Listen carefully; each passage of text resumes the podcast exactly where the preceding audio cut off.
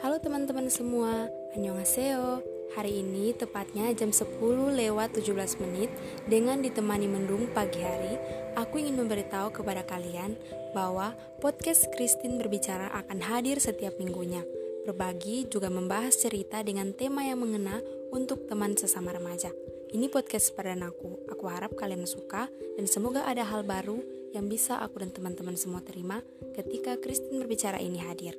Aku membuat podcast ini bukan karena aku hebat atau aku sudah paham dengan banyak hal. Tujuan Christine berbicara ada agar aku dan kalian bisa sama-sama belajar dan mau melangkah untuk menjadi lebih baik. Kalau kata channel YouTube favoritku yaitu satu persen, kita harus jadi lebih baik setidaknya satu persen setiap harinya. Sampai jumpa minggu depan dengan tema self love itu penting. Sampai di sini dulu perkenalannya.